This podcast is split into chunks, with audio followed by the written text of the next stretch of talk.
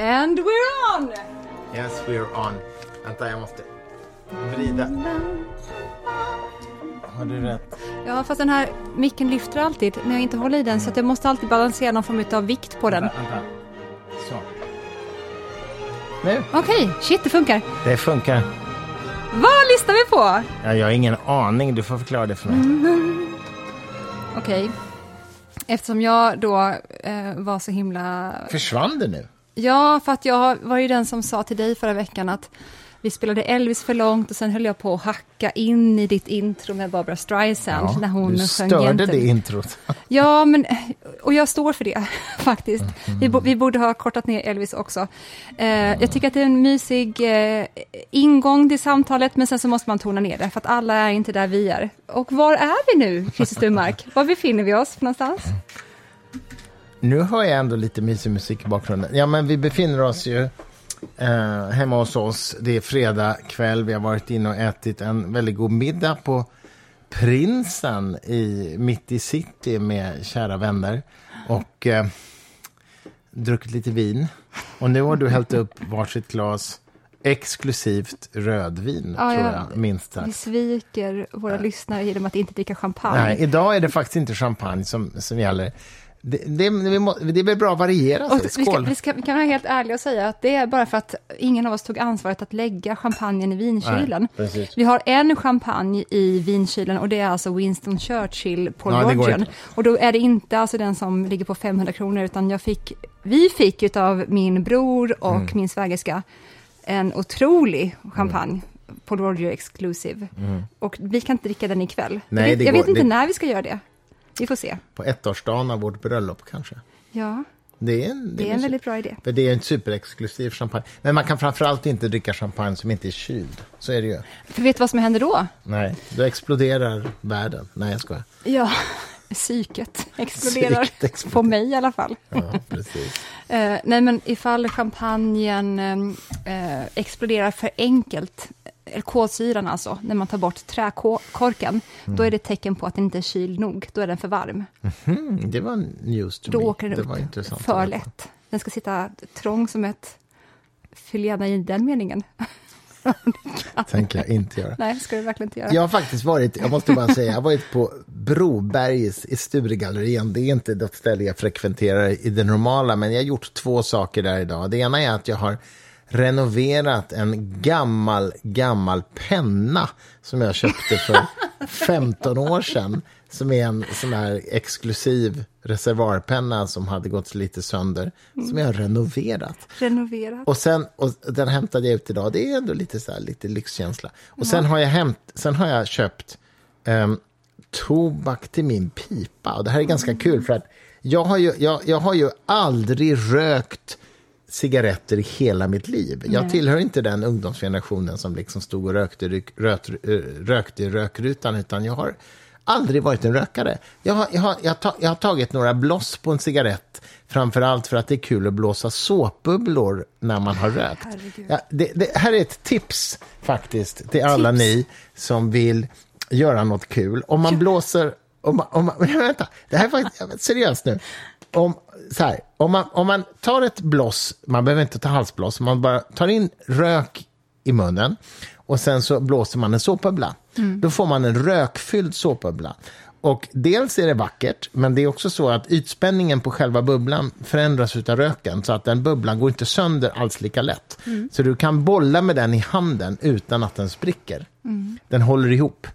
Och när den väl spricker så blir det en så här jättefin rökpuff. Det där tyckte jag var kul när jag var tonåring. Så jag, jag höll på lite grann med, med rökfyllda såpbubblor. Men det är alltså min enda erfarenhet av rökning som Det jag är har haft. spännande, fast det är ju inte sant att du tillhör den generationen som inte rökte, för att din generation var ju verkligen de nej, som stod i ja, rökrutor. Ja, ja, men det var inte det jag menade, även om det, jag kanske sa det, det var slarvigt. Jag tillhör inte den generationen, Nej, jag förstår. jag. Okej, jag ja. rökte inte, alltså jag, rök, jag rökte inte. Nej, jag har nej. aldrig varit rökare. Men då på gamla dagar, och då måste jag skylla på min gode vän Bengt Palmers faktiskt, som ju introducerade mig till piprökning. Mm. Han fick mig Jag, jag älskar honom, han är en så fantastisk person att prata med på alla sätt. Men han röker ju pipa. Ja, vi älskar Bengt och Karina. Bengt och Karina, goda vänner här, där vi, nära, ganska nära där vi bor. Och Bengt röker pipa och jag bara känner så här, jag måste skaffa mig en pipa. Ja. Så det har ni gjort. Och till saken hör då att jag röker ju pipa ungefär en gång i halvåret. För att jag är ingen rökare. Men idag köpte jag tobak till min pipa, så nu tänker jag tända min pipa och röka lite under tiden vi poddar. You go. Jag, Ifall som då är född 1984, stötte på Bengt Palmes... Det är inte jag. Eh, det är du inte. Stötte verkligen på, verkligen, på Bengt Palmes när jag såg Sikte mot stjärnorna när jag var liten. Mhm. Och det var, jag minns att Bengt satt lang, längst till vänster, så satt en kvinna i mitten vars namn jag glömt bort tyvärr. Jo, det var hon eh, Pling. Ingela Pling Ingela. Pling Forsman var det. Ursäkta Och att min sen pipa så- satt i vägen i munnen. Ja. Känner du doften? Visst är det fint? Jättemysigt. Mm. Och sen så var det um, Anrell, eller vad heter Lasse? Lasse skriver- Holm. Lasse Holm var Ja. det också. Nej, nej, det var Lasse Anrell som är Aftonbladet journalist. Jaha, ja just det. Mm. Ja. Ja. Ja, mm. Och eh, när jag då var liten och såg eh, Bengt Palmers, då tänkte jag att den eh, karaktären eh, påminner om någonting som jag brukar se i Disney-filmer. Han är så färgstark och han är mycket utav något, men jag vet inte vad det är utav för någonting. Men han gjorde ett väldigt avtryck på mig som barn i alla fall. vad roligt. Ja. Och därför är det också kul nu när vi har dem som kära vänner.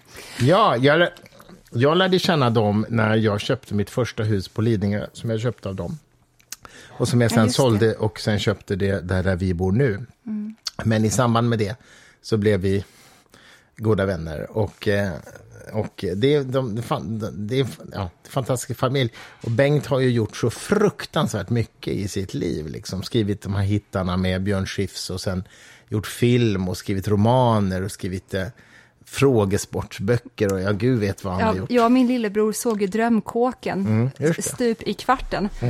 Av eh, någon anledning så står jag fortfarande som Agata Askelabb i min lillebrors telefonbok, så att när jag ringer då står det Agata Mm. Askelabb. Och anledningen till det är att Peter Dalle säger till, jag glömmer bort namnet nu, vad heter hon som är Ronjas mamma? Jag har ingen aning alltså. Ja, ni lyssnare vet i alla fall, Lovis i Ron- men gud vad heter hon? Lena? Jag är alldeles för gammal för att förstå detta. Nej, men det är du inte för att Nej, hon, hon inte. var ju med i Nyfiken Tvärtom, Gul med Börje Jag är Ahlstedt. alldeles för ung för detta. Ja, verkligen. I alla, ja. I alla fall, Drömkåken var en kul film med Björn Skifs, de gjorde många bra filmer. Över till Beethoven, som jag spelade nyss. Ja, låt höra. Vad hörde vi? Detta var alltså Eroica, eller The Eroica, Eroican brukar man också säga i bestämd form. Mm, Och det handlar och- inte om erotik alltså? Nej, det gör faktiskt inte det. Eroica betyder kraft eh, och det betyder eh, eh, eh superiority eller slagkraftighet. Och den här symfonin då som är Beethovens tredje symfoni skrev han till Napoleon. Han dedikerade den till Napoleon när han då hade tagit makten 1804, om jag inte minns helt fel. För att det är då som Napoleon efter mycket om och men, en fransk revolution och mycket politisk kaos, ändå tar... eh, Ja, han blir statsöverhuvud i Frankrike. Och då eh, tar eh, eh, Beethoven den här tredje symfonin och dedikerar den till honom. För att i den här symfonin så bär det då en förhoppning om vad Frankrike ska vara, men också vad Europa ska vara för någonting. Eh, det ska vara en demokrati, det ska vara den lilla mannen som eh, står för någon form av anda i landet. Och de anspelningarna kan man ju se också förvisso, inte någon jämförelse rakt över linje med Hitler sen. Men, men, men, men, men det är ändå ett vinnande koncept att stå på den lilla mannens sida. Och det var ju någonting då som verkligen Napoleon eh, annonserade att han stod för. Mm. Att nu ska vi gå tillbaka till den här nästan bonderepubliken. Och jag är själv den lilla mannen, jag kommer från fattig adel på Korsika. Det här är och ju klassisk populism, eller hur? Ja, verkligen. Mm. Och jag skulle vilja säga att det finns en nästan sund populism och det finns en destruktiv populism. Mm. Det är ju inte alltid fel att stå på den lilla mannens sida, det är arbetarrörelsen. Mm. Det är ingen som kallar arbetarrörelsen för populism, inte sant? Jo. Ursäkta? Ja, men alltså, det är klart att det är en slags... Ja, well, Ja, men det är det jag säger. Jag säger att det finns en sund populism Ja, och en ja, ja, destruktiv. ja, ja, okej, ja. Så att, men, men som vi använder ordet populist Ja, ja, idag, ja, så är det enbart det mörka, eller skuggsidan Ja, utav det hela. Mm. Hur som haver, när sen då Napoleon bestämmer sig för att utannonsera sig själv till kejsare, då bestämmer sig Beethoven för att inte dedikera den tredje symfonin längre till Napoleon. Mm. Därför att är det någonting som man inte är längre när man är kejsare, så är det den lilla mannen. Mm. Då är man ju tillbaka igen till en anspelning på romarmakten och till eh, suveränitet och till eh, det diktatoriska. Så att då strök han, de här notbladen finns kvar än idag i museet, som jag inte minns nu var det ligger, där man ser hur han har liksom hårt strukit över Napoleons namn. Sen så var det en jätterik greve som köpte faktiskt äh, Gud, Sturis.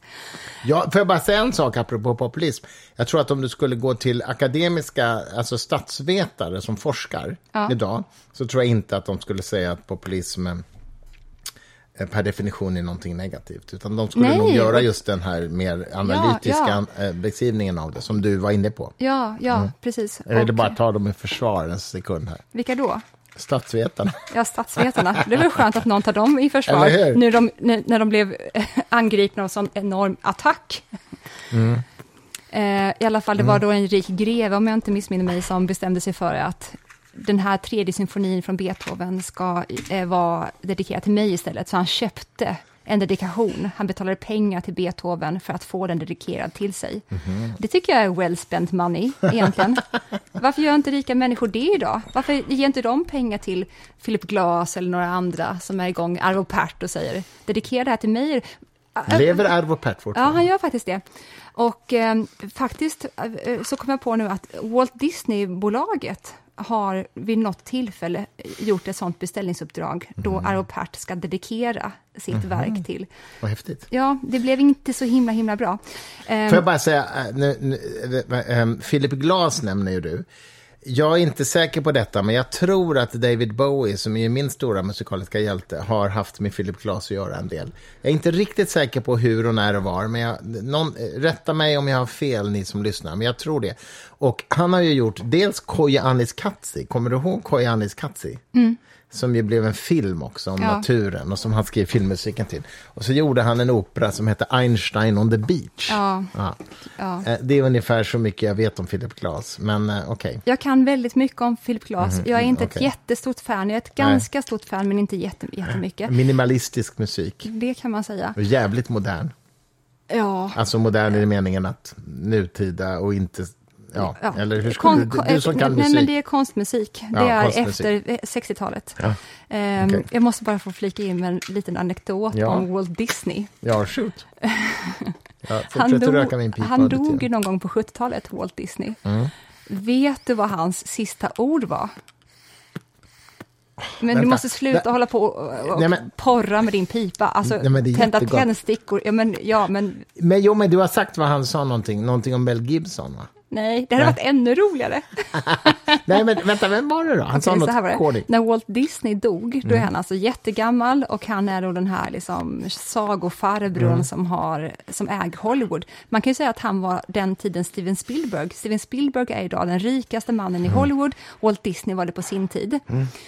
På 70-talet då när Walt Disney ligger och dör, Mm. jätt som ett russin i sängen. Hela familjen är samlad. samlad.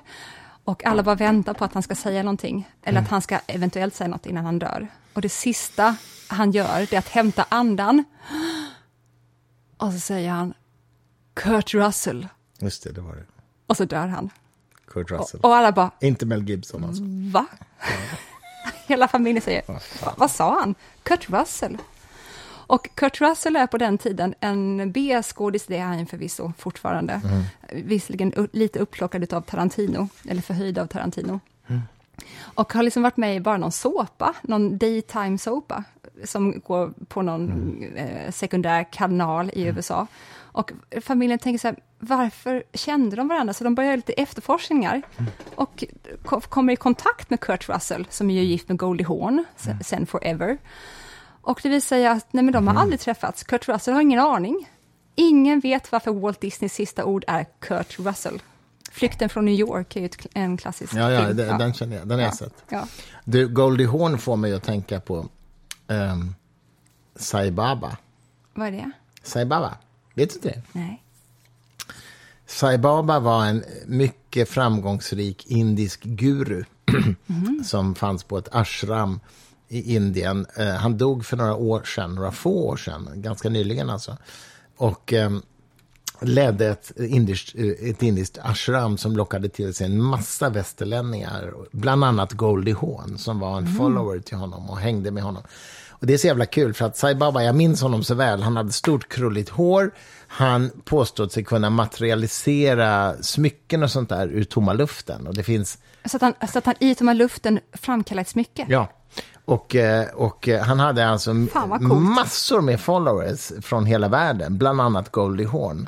God. och eh, jag har sett en dokumentärfilm om honom. Det är ju så då förstås att han också anklagades för sexuella trakasserier och även mord som FBI utredde. Och jag vet inte fan om det någonsin klarlades om huruvida han var inblandad i de här morden eller inte. Men eh, han förgrep sig, det tror jag är ganska klarlagt, han förgrep sig på unga pojkar och sådär.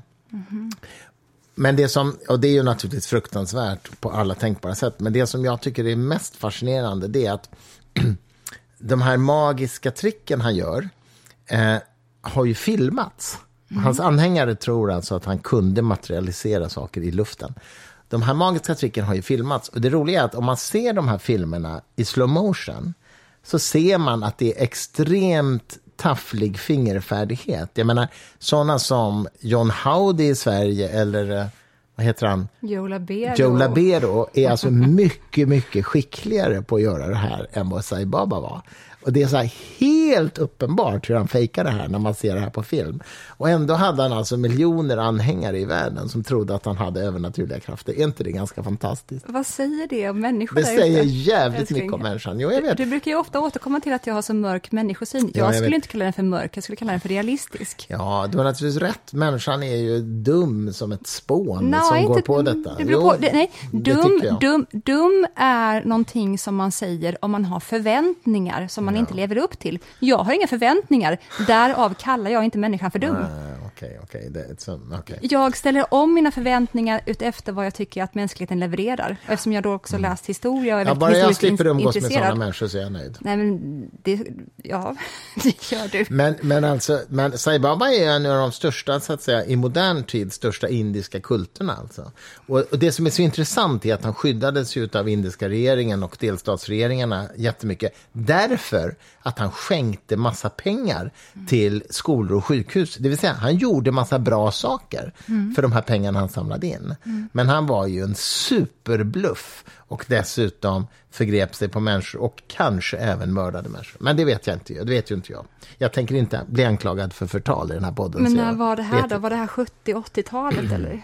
Ja, 90-talet. Jag tror att han Aha, dog på, han okej. dog för kanske, om jag ska gissa, så dog han för tio år sedan. Okej, jag förstår. Sai Baba. Jag, jag, jag, hoppades, Goldie Hawn. jag hoppades att Goldie Hawn skulle på något vis komma ur det här med sitt goda namn i behållning för att hon var ung då, men det var ju inte så. Hon Nej. var ung på 70-talet också, Ja, visserligen.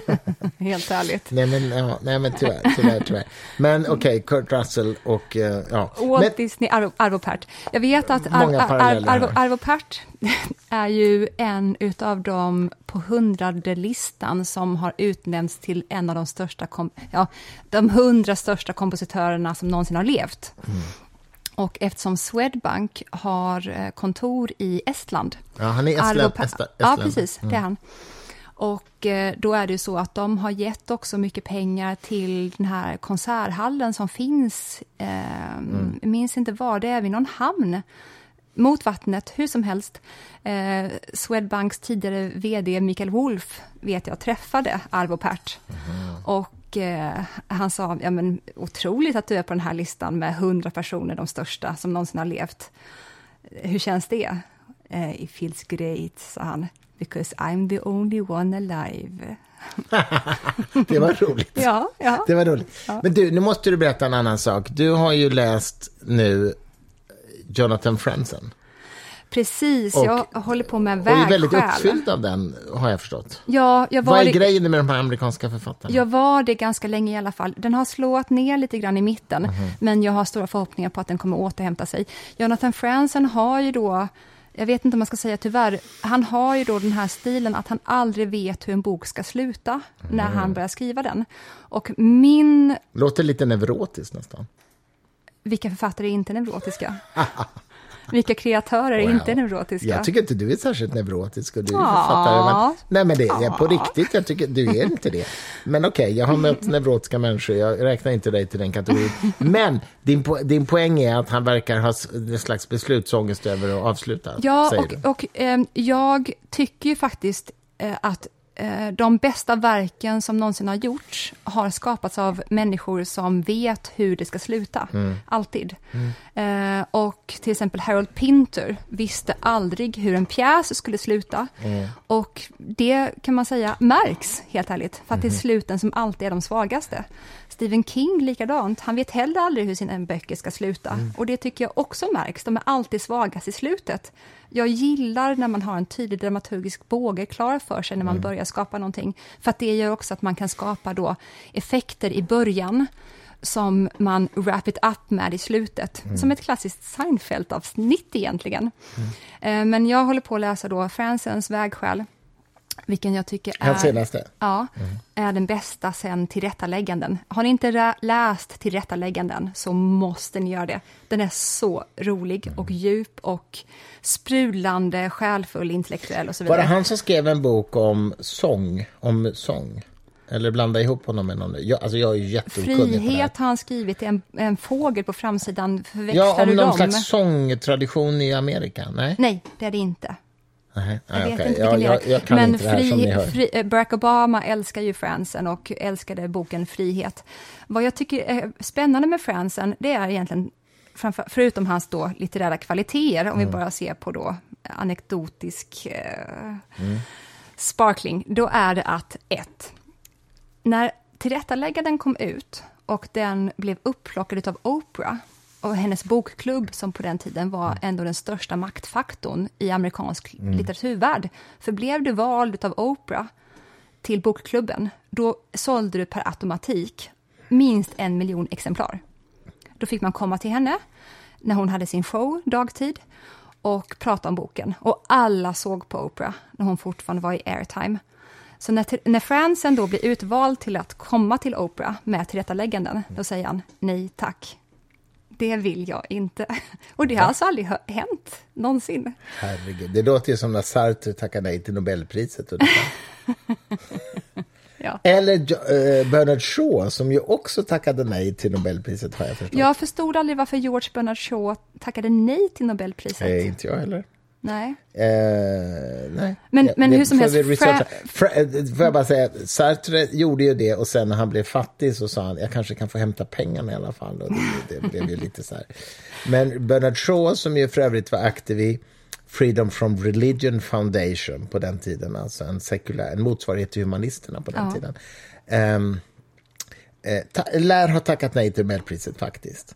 Sen hör ju till saken att han på gamla dagar blev involverad med Besant, Anne Besant och teosoferna. Ja. Vilket ju är jävligt märkligt. Alltså, han de- kallade sig ju ateist under hela sin uppväxt och ungdom, väldigt tydligt så. Och religionskritisk. Och sen så gick han alltså i den här Krishnamurti eh, Krishnamurti, vad heter det, rörelsen då, som ju kanske inte var religiös, men den var ändå, ja, jag vet inte vad man ska kalla det, andligt, existentiellt utforskande på något sätt. Ändå. Ja, verkligen. verkligen. Det är intressant. De var ju väldigt kritiska mot organiserad religion, men de var ju inte... Framförallt Krishna, Krishnamurti, ni måste söka på honom om ni Ja, inte känner till Så honom. otroligt intressant person. Ja. Berätta det du vet om detta. Du vet mer än jag, tror jag. Okej, för det här är faktiskt roligare än... Fra- Ja. Eller så bara slutföra om Fransen. Ja, kort förlåt. då. Gud, Det vad vi ena- hoppar alltså men i den här Så här podden, kommer men- det alltid vara. Ja, så det ena. Mm. är att han säger nej till Oprah och det är bara en stor bitch slap i hennes ansikte. Och det är what, why? Och han säger bara för att jag gillar inte dig. Det är liksom det enkla svaret. Det är det ena. Gud, vad störigt. Han är så störig. Och det visar sig också med att den andra grejen som jag tycker är rolig med honom, det är att han under de senaste åren har gått i terapi för sin road rage. Alltså han har alltså en trafikilska som han inte kan hantera. och då är det trist att han bor i Los Angeles, där han behöver köra överallt. Han bor där nu med sin livspartner som också är författare. Och eh, han har väl sålt helt ärligt mindre och mindre böcker sen Tillrättalägganden. Han Mhm. pikade med den boken, men jag skulle säga att Vägskäl nästan håller upp till samma standard som Tillrättalägganden. Men är det så? Ja, ja, Hans senaste alltså? ja. Den är jättebra. Men Brom, alltså, Brombergs, säger man Bromberg eller Bromberg? Bromberg, tror jag. Okej, eh, som vi pratade om i senaste I'm a avsnittet fan också. of her. We're, a fan, absolut. Hon är underbar.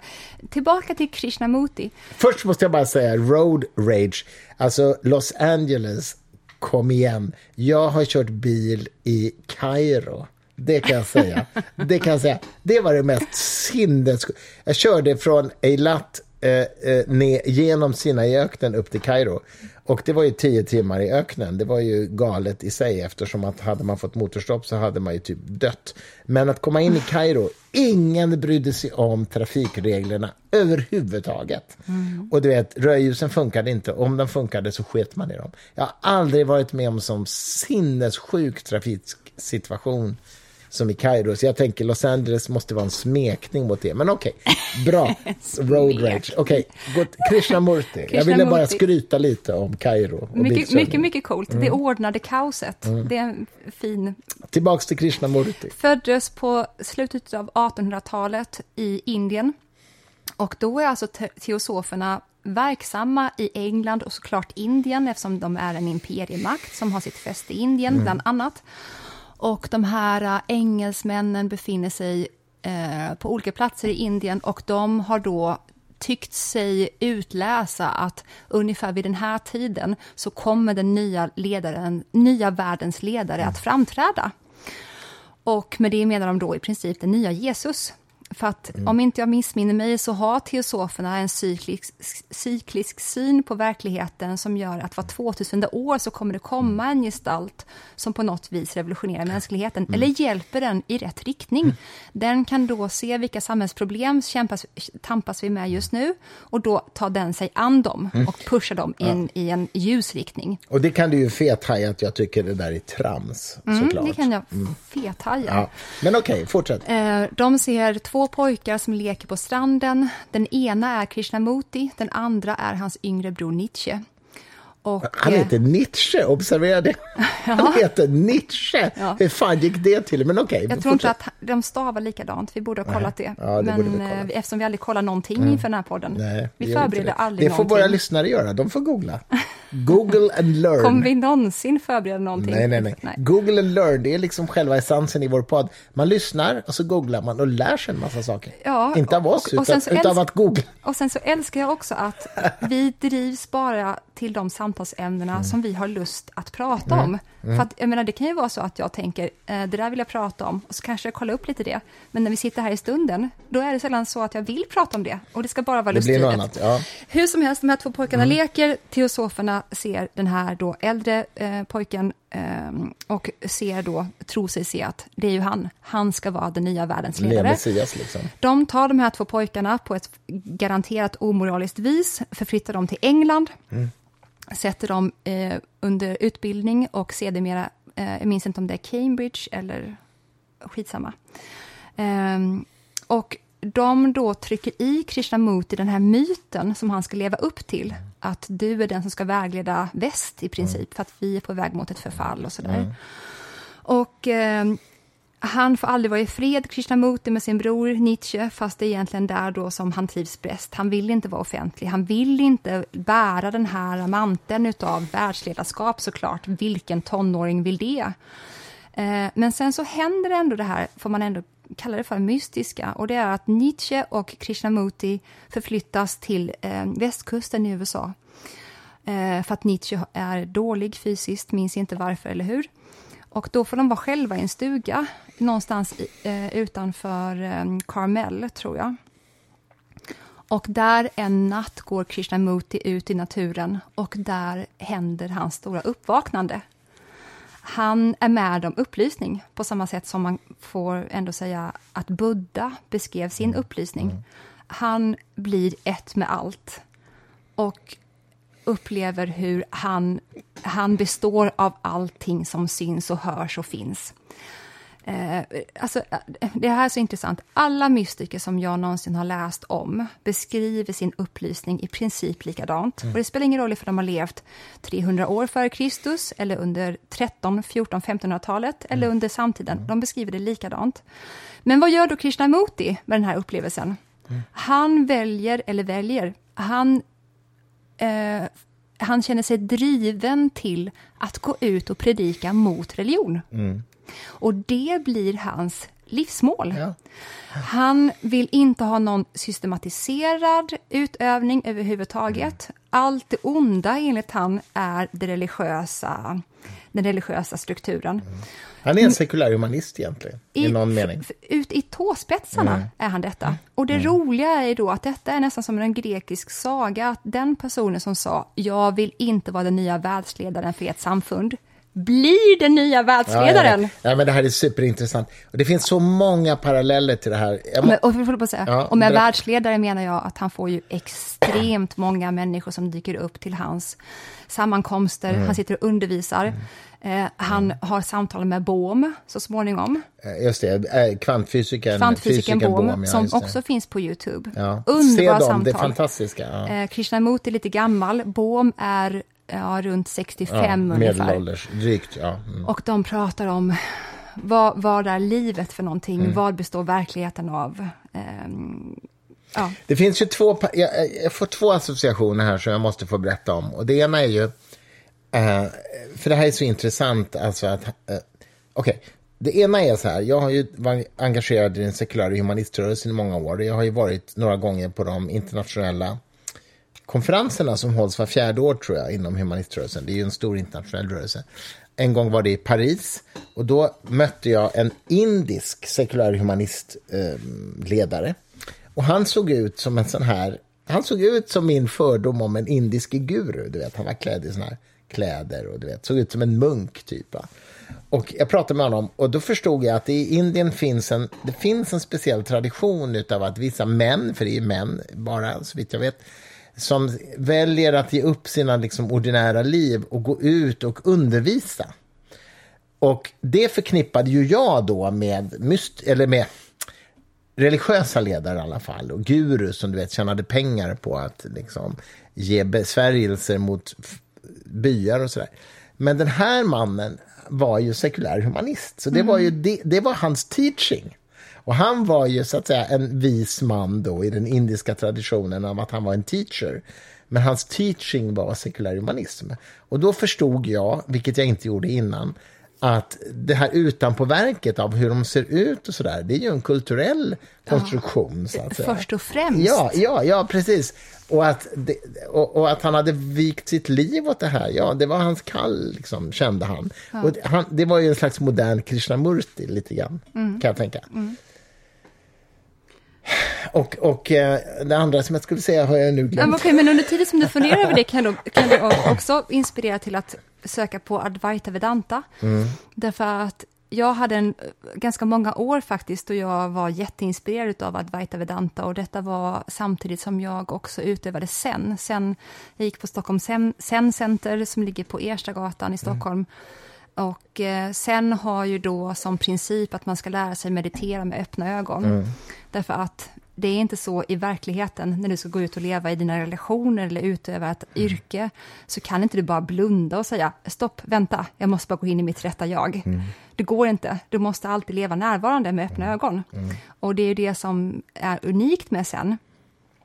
Advaita Vedanta däremot kommer ju då från Indien från början. Och jag skulle nog, om jag inte minns helt fel, tro att det kommer från ungefär 300 efter Kristus. Och Advaita Vedanta är en sorts non-duality. Um, Vad menar du med non-duality nu? Uh, en, Advaita predikar att det finns ingenting som är helt och hållet utanför, separat från inuti. Mm. Eh, och det betyder inte att man är solipsist, nu hamnar vi där igen. det finns olika traditioner inom Advaita. Den ena är helt naturalistisk, Det vill säga att eh, man, man, man ser verkligen att det finns ett utanför och ett innanför. Och världen inuti. är materiell så att säga och naturlig och inte övernaturlig. Ja, ja, ja, in, ja, men inget inom Advaita tror att någonting är övernaturligt. Ah, okay, det ja. finns inga andar eller Nej, gudar ja, man tillber Nej, alls vet jag. Mm, överhuvudtaget. Däremot så blir det ju En naturalistisk världsbild. Ja, verkligen. Sen så blir det då, det blir ju svårt att koka ner det för att vad Advaitan gör det är att zooma in och zooma in och zooma in och se, men okej, men vilka gränser har du egentligen? Vad är du? Vad är jag? Eh, och det vet vi ju idag också, om vi zoomar in oss nu så är vi ju bara egentligen rörelser. Vi, vi består av saker och ting som rör sig hela tiden och försvinner och kommer och går och sådär. Och var går gränsen mellan oss själva och det som är utanför, inom citationstecken, Ja, oss ja, ja, själva? ja, men jag förstår. Ja. Mm. Och det här är en stor diskussion inom medvetandefilosofin såklart, och panpsykism och allt sådär. Så att det men det är ju inte övernaturligt. fast Advaita Vedanta tror ju inte, till skillnad då från panpsykisterna, att det finns en närvaro i alla ting. Nej. Det är inte så att, att det är allting som existerar besitter en magisk gnista av något slag. Nej. Det tror de inte. Eh, men jag vill bara säga, apropå Krishnamurti, att Advaita Vedanta, som då är väldigt stort fortfarande än idag i Indien, ehm, så säger, när man frågar deras um, andliga vägledare idag, vad, vad är din teaching? Då säger de alltid, no teaching. Ja, Vad är din religion för något? No religion. No religion. Nej, men vad, vad, what's your belief? No belief. Plocka bort, plocka bort, plocka Ja, bort. Och, det, och där är vi tillbaka på, till, till mystikerna igen. Det är inte att man eh, applicerar koncept och inramningar. Det är snarare att man plockar bort om och om och om igen. Och den som jag har inspirerats mest av från Advaitan är ju, mm, ah, jag glömmer bort hans namn bara för det. Det här måste vi kliva bort. Nej, det behöver vi inte. Det, vi, det Ramana, eh, googla. Ramana Maharishi heter han. Ja. Eh, och han, eh, han, så fort någon kom till honom för att be om vägledning eller vishet och ställa en fråga, hans enda svar var alltid “Who's asking?” Ja, Who's det. asking? För att det finns inget who, menar han Nej, då. Det precis. finns inget jag. Ja. Ja, ja. Det här är ju lite, ärligt talat, lite det som inspirerade Steve Jobs till sin otroligt Ja. minimalistiska design av Apple-produkter. Han sa så här, inga knappar, inga, inte massa knappar, inte massa grejer. Minima, rent bara, rent, rent. Ja, ja. Och där är vi tillbaka igen på Philip Glass och minimalisterna. Mm. Ja, exakt. Nu kommer jag för övrigt på vad min andra poäng var med Krishnamurti. Och det var ju det här med att vara en non-guru, så att säga. Det finns ju en underbar dokumentärfilm som jag tyvärr inte kommer ihåg vad den heter nu, så det får man undersöka och googla och vad man nu vill. Eller mejla så ska jag försöka ta reda på det till dgg.groundcontrol.se. Men det är ju om den här indisk-amerikanska eh, studenten i religionshistoria eh, som eh, blir intresserad av den religiösa traditionen i Indien helt enkelt, som hans föräldrar kommer ifrån. Och guru, guruverksamheten. Och han börjar med att undersöka amerikanska gurus, åker runt på såna här guru-retreats och allt vad det är. Och försöker se om, försöker få en känsla av om det finns någon substans i det här överhuvudtaget. Och han konstaterar ganska snabbt att det gör det inte, tycker han. Så han åker tillbaka till sitt ursprungliga land, Indien, för att kolla på indiska gurus. Konstaterar att det finns ingen substans där heller, tycker han.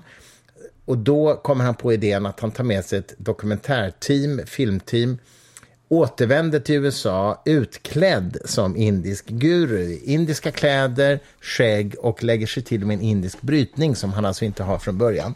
Och så startar han ett yogacenter, han får followers, 30-40 followers. Och det intressanta i den här dokumentären är att han lurar dem aldrig. Utan han säger i alla sina teachings, han har ju alltså teachingskvällar med dem, och där han säger så här. I have nothing to tell you. Jag kan inte ge någonting. Kraften finns i er själva. Eh, och så vidare, så vidare. Han säger det hela tiden. Och han blir ändå liksom upphöjd av sina lärjungar då till en vis guru med fantastisk insikt och sådär. Och sen i slutet av dokumentären så bjuder han in alla sina followers till ett hotell. Eh, och då har han sagt till dem så här att jag kommer avsluta nu vår vår gemenskap, för jag ska flytta till en annan stad, har jag för mig att han säger. Jag minns inte exakt nu, ni måste se den här filmen. Eh, och sen har, visar han en film där han, som den här gurun, alltså med skägg och brytning och indiska kläder, säger nu måste ni klara er själva, nu, nu går jag vidare. Liksom och, sådär och sen när filmen är visad för sin, hans lärjungare så gör han entré själv i rummet och då är han klädd liksom i jeans och skjorta, borta med skägget och pratar amerikanska, för han är född i USA. Och säger att det här var ett experiment. Jag ville liksom se vad som hände om jag skapade en sån här community. Och det är så otroligt rörande och sorgligt på många sätt hur människor reagerar. För att en del blir ju otroligt upprörda och säger att de har blivit lurade. Andra kommer fram till honom och kramar om honom och säger liksom tack, du har gett mig något fantastiskt under den här tiden och sådär. Och sen i eftertexterna på den här filmen så hör, ser man då att en kvinna till exempel som var djupt överviktig eller gravt överviktig, hon säger att jag liksom lyckades ta kontroll över mitt liv eh, tack vare dig och sådär. Och, och, och några är skitförbannade, vägrar prata med honom. Och några säger så här, vi tror fortfarande att du har övernaturliga förmågor. Han skriver det. Vi, några av mina anhängare tror fortfarande att jag har övernaturliga förmågor. I have not säger han. Liksom. Mm. Så det hela var ett experiment, men det visar ju någonting om det psykologiska i den här processen. Jag skulle säga att, det, jag skulle säga att två saker eh, understryker det här mest. Och det ena är att han har ju rätt, för att all kraft mm. finns inom oss. Exakt! Det är, alltså, him himmelriket finns inom er. Det är mm. det som någon annan berömd person sa en gång i tiden också. Var det den här killen i Jerusalem du tänker på? Eller? Ja, kanske han. kanske han. Okay. Och det andra är att eh, mänskligheten törstar konstant efter vägvisare. Vi mm. längtar hela tiden efter en sund auktoritet som tar armen mm. om våra axlar och mm. säger Look kid, sit down. Mm. Jag vill berätta för dig vad jag har lärt mig om det hela mm. och hur saker och ting funkar just nu i alla fall. Och vilka principer som jag tror kommer funka över tid också. Allt det törstar alla människor efter. Eh, och är det någonting som jag verkligen eh, avskyr med vår samtid, så är det den här ungdomsfixeringen. Eh, den här eh, att ungdomen är allt och att eh, de äldre människorna ska bara skjutas åt sidan och inte ses på som egentligen budbärare mm. till en sund framtid. Eh, sen kan man ju säga då att eh, var, var det, det togs för långt, det är ju Wien som exempel. Wien under 1900-talet, de hade nästan en, en eh, ja, en osund relation till vad ålderdom skulle vara för någonting. För Vienna, du menar Wien, ja, Wien? Wien, mm. ja visst, i Österrike. Mm. Eh, där var det så att du kunde aldrig någonsin bli chef för någonting mm. och framförallt inte chefsdirigent, eh, till exempel som Mahler sedermera blev, om du inte var 60 plus. Mm. Man ansåg att du har ingenting okay. att komma med någonsin. Omvänd åldersdiskriminering skulle om, man kunna kalla det. Men verkligen, mm. verkligen. Mm. Eh, så att när Mahler blev chefsdirigent, då mm. var han bara i 30-årsåldern. Då mm var det många som av antisemitiska anledningar, men också utav då att han hade för ung ålder, var ute och protesterade mot att han skulle få vara chefsdirigent. Mm. Så att eh, jag kan se, och även på universiteten där ute, det underbaraste som jag kan se framför mig när jag hade börjat på universitetet, när jag gjorde det, det hade ju varit ifall någon tog mig över axeln och sa, sätt dig ner i det här rummet, mm. här får du en konjak, vi tänder en brasa, låt oss prata mm. lite om vilka principer mm. som du ändå kommer ha extrem nytta av. Mm. Men nu idag så är det snarare så att de unga ska bara omkullkasta. Allt det gamla är bara helt mm. värdelöst. Allt det gamla ska bort. För ifall du står för att det finns överlag principer som verkar över tid, mm. då är du konservativ och en idiot. Good point. Ja, faktiskt. Ja, ja. Intressant. Jag sitter nu och tittar på vår bokhylla här och ser Umberto Ecos Gårdagens ö. Har du läst Umberto Eco? Ja, jag har läst eh, Rosens namn och mm. Foucaults pendel. Mm. Visste du att, eh, att uh, Umberto Eco eh, debuterade när han var 53-54? Jag visste att han var gammal i alla fall. Jag visste inte det exakt, men ja, men det visste jag. Han var ju professor i semiotik, eller Mm, hur? Eh, teckenlära, alltså, symboler. Han är ju lite grann som da Vinci-kodens, vad heter han där? John... Professor Langdon, Langdon, Robert ja. Langdon. Ja, exactly. Det är ju Umberto Eco. Det är ja, men det är verkligen det. verkligen det. Ja. Jag läste ju Rosens namn som tonåring och var ju helt fascinerad. Jag misstänker att jag redan har berättat om när jag provfilmade för den filmen. Nej, du har inte gjort det i podden. Älskling, do it. Berätta varför, eh, vad heter han som fick rollen istället? Jag kommer till det. Så här var det, jag var 17-18 år kanske. Jag hade då mitt rockband Heroes i Stockholm och vi hade släppt en singel och var lite så här, vi affischpojkar i tidningen Okej och så där så att vi var liksom i media lite grann. Och jag får ett samtal ifrån någon jävla filmbolag som säger vi söker en ung nordisk pojke för att spela lärlingen i Rosens namn. Som sen Christian Slater spelade. Mm, precis, jag kommer till det. Men jag, så de ordnar en provfilmningssession i Stockholm eh, för Rosens namn, vilket jag då är, är med i. Och jag spelar då scenen, jag är 17, 18, 19 år, jag kommer inte ihåg exakt, men däromkring. Spelar den här scenen i biblioteket när lärlingen går med mästaren som ju spelades utav eh, Sean Connery. Sean Connery. The one and only. Eh, som spelar Willem of Ockham.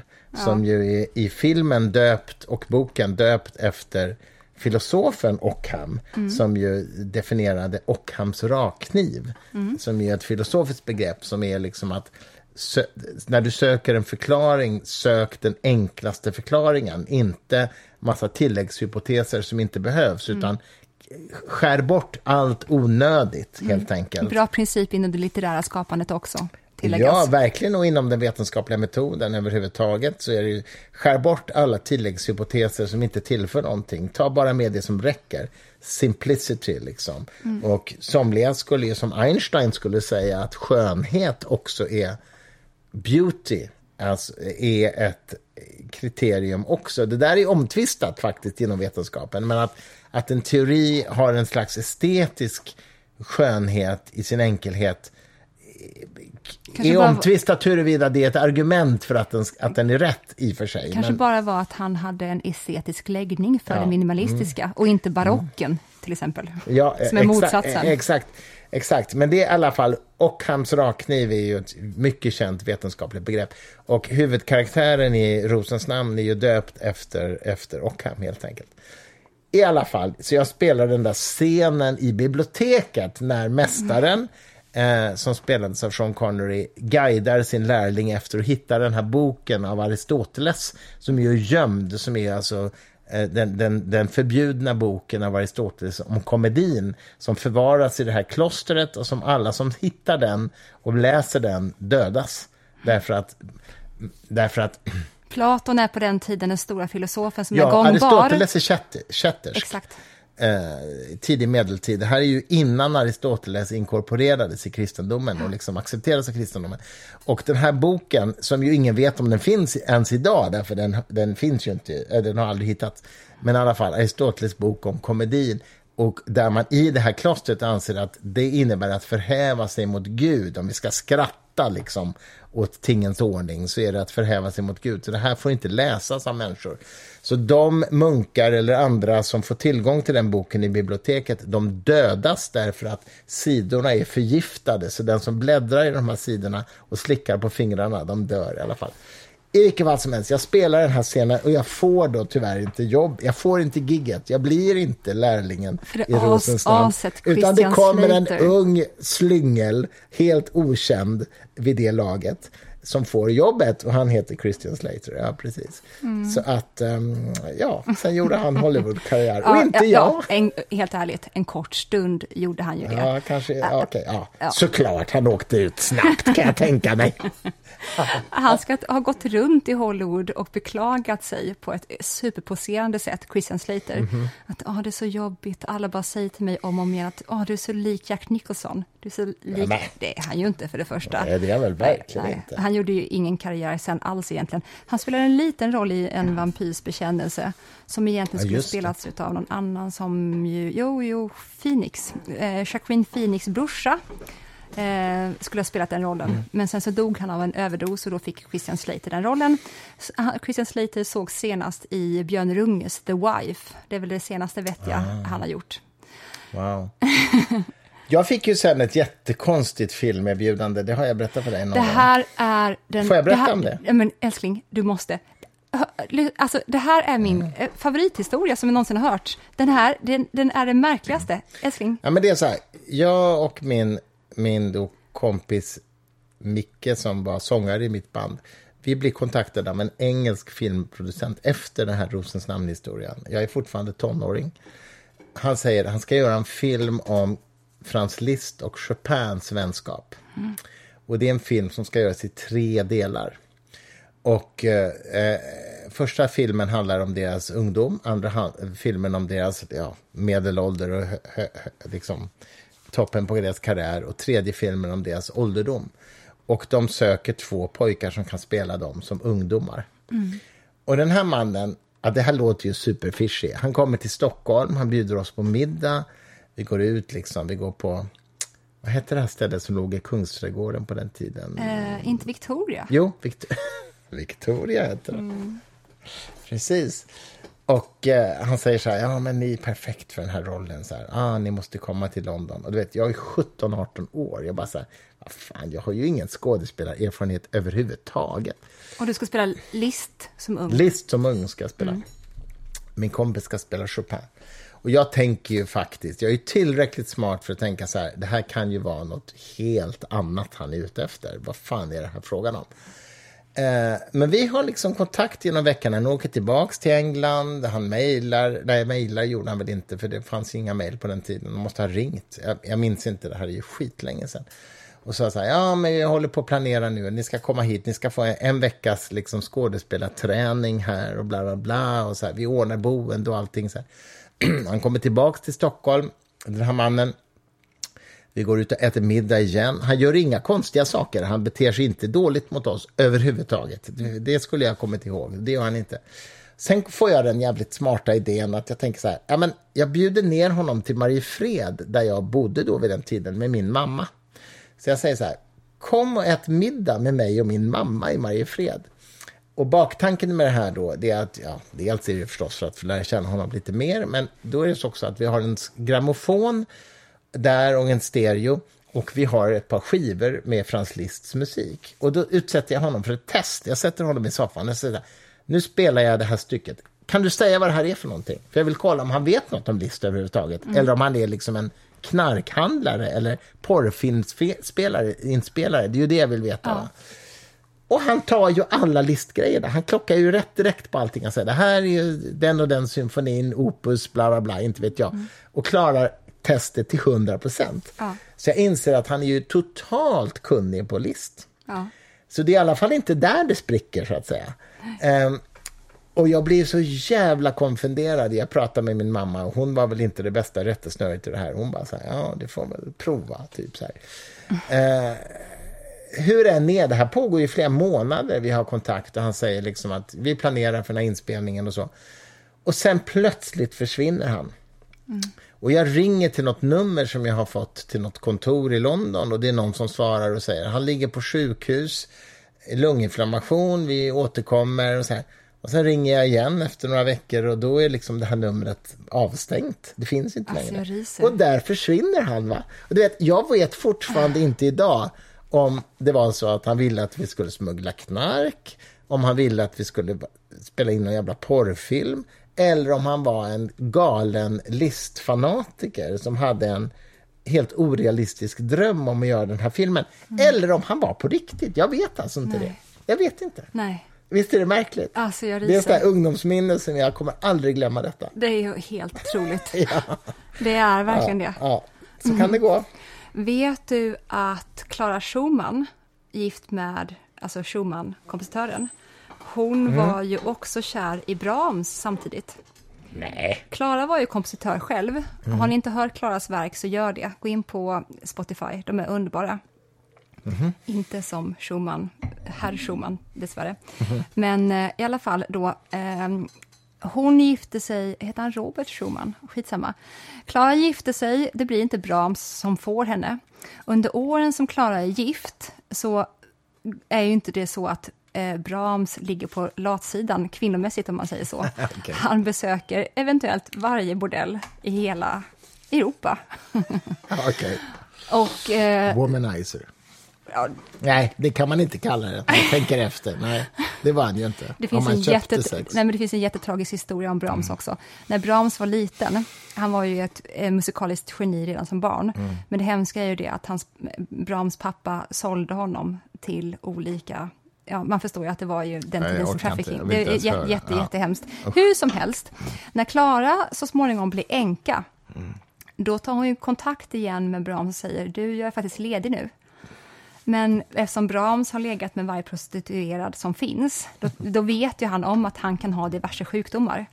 Så då gör han det som varje, åtminstone skadad, ädel, nobel man gör, och det är att säga till Klara, vi kan inte gifta oss. För att då vet ju han om att de kommer att ha sex, och han kan inte göra det mot den han älskar. Så han säger nej till den han älskar, för att han har levt som han har levt. Det är en otrolig historia också. Det är det verkligen. Påminner lite grann om... ja, vad heter den? Uppföljningsfilmen till Lammen tystnar. När han hugger av sin egen hand för, för sin kärlek. Att man offrar sig själv för den man älskar. Mm. Ja, men det påminner om det faktiskt. Ja, det gör Vad heter det. den filmen? Hannibal. Hannibal. Hannibal. Mm, ja. Som Och- du tycker är den vackraste kärleksfilmen. ja, för att det är det. Okay. Det är det mest, This romanti- wife. roman- okej. mest romantiska Ni förstår hur jag har det, som ja. finns. Han är liksom kannibal och sinnessjuk mördare. Eh, men hugger av sin hand för Clarice Starling, som han älskar, för att inte... Ja, för att kunna komma, komma fri från henne. Hon kedjar ihop sig själv med honom i handkloven. Ja, det, ja, det här så- har vi berättat om. Ja, vi har Alltså, det. Ja, precis. av Jag, bara tycker, hand. jag vill bara Det var- understryka det var att min en- hustru tycker att det här är en vacker kärleksfilm. det är Så här har jag det. Ja. Bättre, hörni. bä- bättre än Borta med vinden. Jag vill också bara berätta att när jag berättade någon gång för min, för min tjejkompis att vill man ändå inte ha det i livet som ungefär Catherine Zeta-Jones och Michael Douglas verkar ha det. För Mm. Är de verkar- ihop? Ja, men ja de, de var ju ihop sen jättelänge. de de det är ihop, ja verkligen. Det skiljer ju typ 20-25 år minst Mm. mellan dem också. Eh, Skandal. och då sa min tjejkompis, som kanske, ja, helt ärligt inte är min tjejkompis idag, för att vi förstod inte varandra så bra, då sa hon, vad menar du? Du menar att du, du vill vara som hon, det vill säga manodepressiv, för att hon kommer ju ut som det sen, Mm. Eller som han, sexmissbrukare. och där tog, Det är inte nödvändigtvis en konsekvens av... Nej, det är det inte. Och jag kan också tro att han då som faktiskt, Michael Douglas har ju varit en av dem i USA som har drivit igenom att alla tandläkare i USA, eh, så många som möjligt i alla fall, ska kolla medan de undersöker pojkars tänder när de är i tonåren, ska de också undersöka ifall de har det här viruset som är motsvarigheten till kvinnors livmodershalscancer. Humant papillomavirus. Precis, ja. Det vaccineras man ju mot nu. Ja, flickor gör det. Det finns inget för, för killar än. Eh, däremot kan man se, eh, för, för, för flickor är det överföringsbart Mm. via eh, penetration, Ja, jag vet. Ja. medan det är oralsex för er som är, ni får det alltså i Ja, jag, vet. bak jag i tror halsen. att killar även vaccineras mot det i Sverige nu. Jaha, okej. Tror jag. I Okej. USA har ju kristna högern motsatt sig mot vaccinering av kvinnor också. Okej. Därför att de säger avhållsamhet är bättre, säger de. Okej. Ja. Bu till det. Bu Tack till det. hur som helst Michael Douglas för att du har genomfört att alla tandläkare också ska kolla efter symptom på att pojkar har utvecklat den här cancer, eh, vad som blir cancer i alla fall. För det, Verkligen. det kan man Verkligen. Mm. se i halsen. Och det är mig veterligen ingenting som i alla fall genomförs i Sverige. Nej, men jag tror alltså att... Alltså, jag verkligen, här måste vi kolla upp, men jag tror att killar kommer vaccineras mot det här också i Sverige nu. Och varför Michael Douglas såklart var så driven inom detta Mm. är ju för att han då fick det själv. Han opererades ju otaliga gånger för det och fick det för att han var sexmissbrukare. Så kan det And gå. on, on that Även en happy... sexbrukare, missbrukare kan ju då bidra till världssamhället, And on- samhällets utveckling. Då, On that happy note. Så tror jag att vi ska avrunda, eller hur? För Det- att vi har pratat en timme, Men vi är alltid så här, det är fredag Ja, kväll. vi skulle prata en halvtimme sa vi idag, men Det det blev en så. timme. Hur fan gick det till? Det blir jämt så. Ja. Det här kommer på söndag. Vi är jätteglada för att så många lyssnar, för att det ökar så mycket. Och, Ja. eh, men vi är giriga nog för att eh, be er att tipsa mer om oss. Ja, Stanna folk på gatan, ruska om dem. Säg, har du hört den gyllene grenen? exakt. Och tipsa gärna oss på mejlen också vad ni tycker att vi ska prata om. För att vi, vi, vi, vi som där- ni märker improviserar vi fritt. Vi kommer ju aldrig ta de här tipsen riktigt. Det är mest för Man att ni ska aldrig. känna engagemang. Man vet, nej, men det är ju man inte... vet aldrig, man vet aldrig. Men vi, vi, så, vi associerar ju extremt fritt under tiden vi pratar, som ni alla märker. Det kan ju flyga åt vilket jävla helvete som helst. Men Vi, okej, vi finns på Insta, vi finns inte på Facebook än, men på Insta heter vi Den Gyllene Grenen. det gör vi. Där lägger jag ut bilder på oss regelbundet, vet du det? Skandal faktiskt. Jag har ingen kontroll över detta, Nej. vill jag understryka. Ja, Min hustru jag- sköter detta konto. Ja. Tack för ikväll. Puss, puss. Puss och kram. Hej. Hej.